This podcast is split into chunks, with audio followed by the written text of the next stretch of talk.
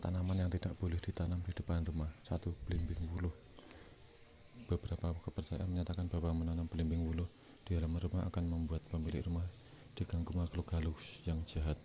Taman ini juga disebut sebagai rumah oleh makhluk tak kasat mata seperti jin.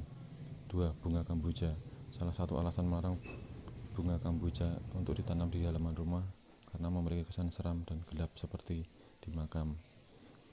Tidak heran jika beberapa orang percaya energi pohon kamboja memang menarik roh jahat untuk mendekatinya.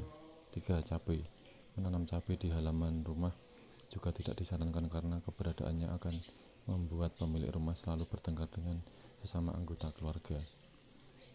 4. Jagung Menanam jagung di halaman rumah diyakini dapat menarik energi negatif yang membuat pemilik rumah sakit-sakitan dan sering bertengkar.